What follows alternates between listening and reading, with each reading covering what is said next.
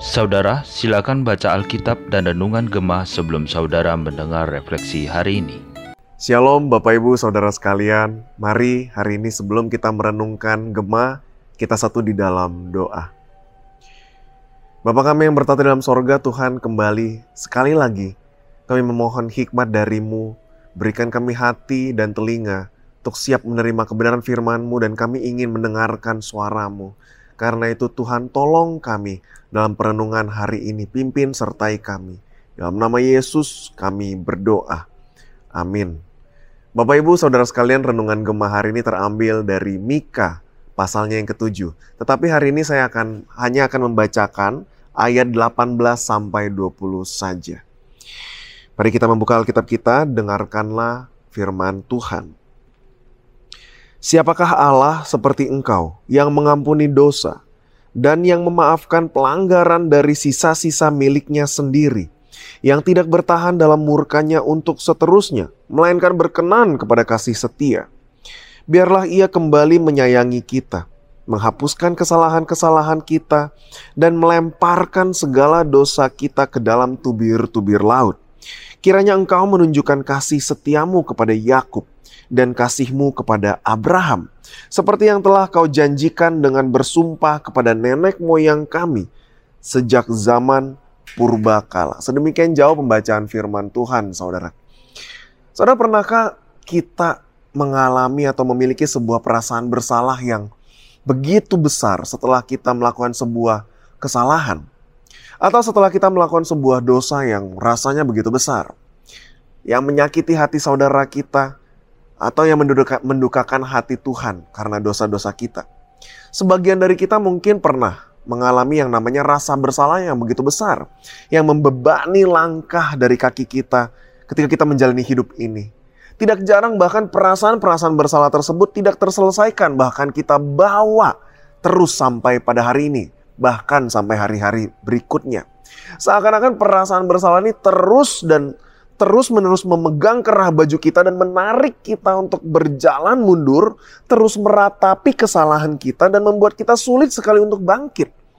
Jika ini yang saudara rasakan atau alami hari ini, saudara perlu menyelesaikannya bersama dengan Allah. Ketika seseorang percaya kepada Allah, ia harus percaya bahwa Allah telah mengampuni dosanya secara sempurna dan telah menerima ia kembali. Dosa yang begitu besar sering kali membuat orang merasa bahwa Allah belum sepenuhnya mengampuni mereka. Dan dia tidak akan pernah menemukan yang namanya damai sejahtera, saudara. Namun masalah sebenarnya bukan pada terletak pada seberapa besar dosa seseorang, melainkan kepada berapa besar dan luar biasanya pengampunan yang telah Allah berikan.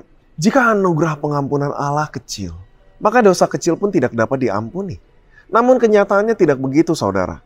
Belas kasihan, kemurahan Allah melampaui segala sesuatu kasihnya begitu besar tidak terkira. Sehingga seburuk apa pun dosa-dosa kita, kita dapat diampuni. Tidak ada perbuatan saudara yang begitu buruk yang tidak dapat ditutupi oleh yang namanya kasih karunia Allah. Saudara Mika secara jelas di Alkitab menegur Yehuda dan juga kerajaan Israel. Karena mereka telah melanggar perjanjian mereka dengan Allah yang dicirikan dengan kehidupan mereka yang berdosa. Tiga dosa utama yang ditegur oleh Mika pada saat itu adalah penyembahan berhala, ketidakadilan, dan juga ritual keagamaan. Mika kemudian menyerukan pertobatan kepada mereka. Jika Yehuda dan Israel tidak bertobat, maka akan ada penghakiman bagi mereka. Tetapi di dalam penghakiman itu kemudian Mika melanjutkan di pasal yang kita baca hari ini, pasal ketujuh. Secara khusus Mika mau berkata bahwa ada pengharapan di balik penghakiman itu, yaitu pemulihan akan masa depan kepada Israel dan Yehuda, bahkan nantinya kepada bangsa-bangsa lain.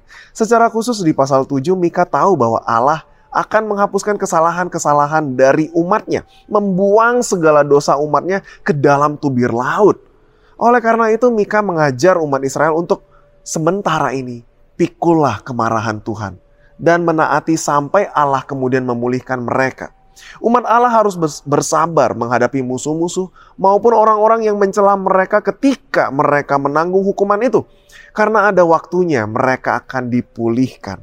Dan musuh-musuh mereka kemudian dikatakan akan menanggung malu. Saudara, maka dari itu hari ini kita belajar setidaknya ada tiga hal. Ketika rasa bersalah itu muncul, ketika dosa itu kemudian rasanya terus menghantui kita, rasa bersalah itu menghantui kita. Ada tiga, saudara. Yang pertama, milikilah hidup yang bertanggung jawab. Ketika kita sudah sadar bahwa Allah telah mengampuni dosa kita secara penuh dan 100%, sekalipun Allah telah mengampuni dosa kita, kita tetap bertanggung jawab penuh akan kehidupan kita. Sehingga kita perlu belajar untuk menanggung konsekuensi dari dosa yang kita lakukan. Sehingga kita bisa dapat memahami bahwa dosa itu memiliki satu konsekuensi yang berat. Yang kedua, saudara, kita hidup bergantung kepada Roh Kudus. Kita perlu belajar untuk hidup bergantung kepada Roh Kudus dan kemudian menjauhi yang namanya dosa. Ada orang yang melakukan dosa namun tidak mau menanggung akibat dari dosa tersebut. Dia kemudian menghindar, melupakan, mengabaikan, dan akhirnya tidak meminta pengampunan atas dosa-dosa mereka. Dan yang ketiga, saudara, kita perlu menyadari dan akhirnya mengakui dosa kita. Bila kita tidak mengaku dosa kita, karena kita tidak mau menerima konsekuensi dari dosa tersebut. Saudara kita tidak akan pernah namanya mengalami pengampunan apalagi damai sejahtera, saudara. Kita akan terus hidup dikuasai oleh dosa dan dosa yang satu akan kemudian melahirkan dosa-dosa berikutnya dan dosa-dosa yang lain.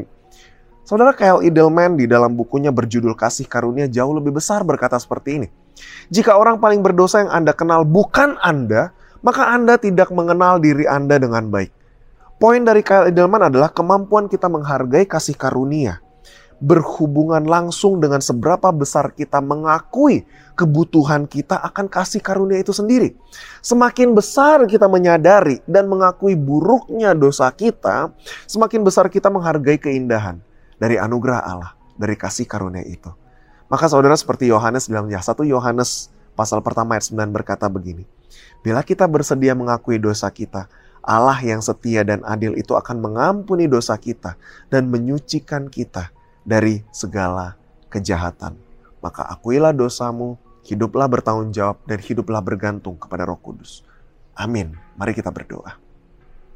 Bapak kami yang bertata di sorga, Tuhan kami bersyukur untuk firman yang singkat, tapi boleh mengingatkan kami betapa kami adalah manusia berdosa yang membutuhkan pengampunan, kasih karunia, dan anugerah dari Engkau.